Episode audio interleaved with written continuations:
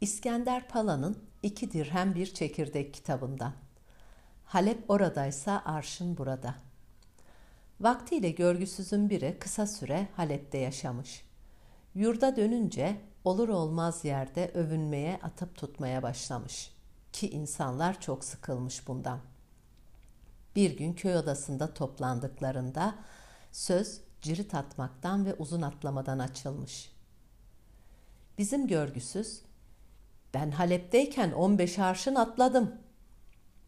Sabrı tükenenlerden biri, yapma be iki gözüm, 15 arşın atlamak kim, sen kim? Ne varmış 15 arşın atlamada? Atladım işte.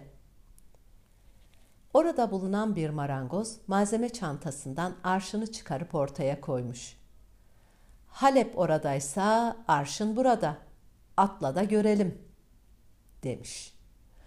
O günden sonra bizim palavracı ne zaman atıp tutmaya başlasa insanlar arşın burada demeye başlamışlar. Bu tabir dilimize deyim olarak geçmiş.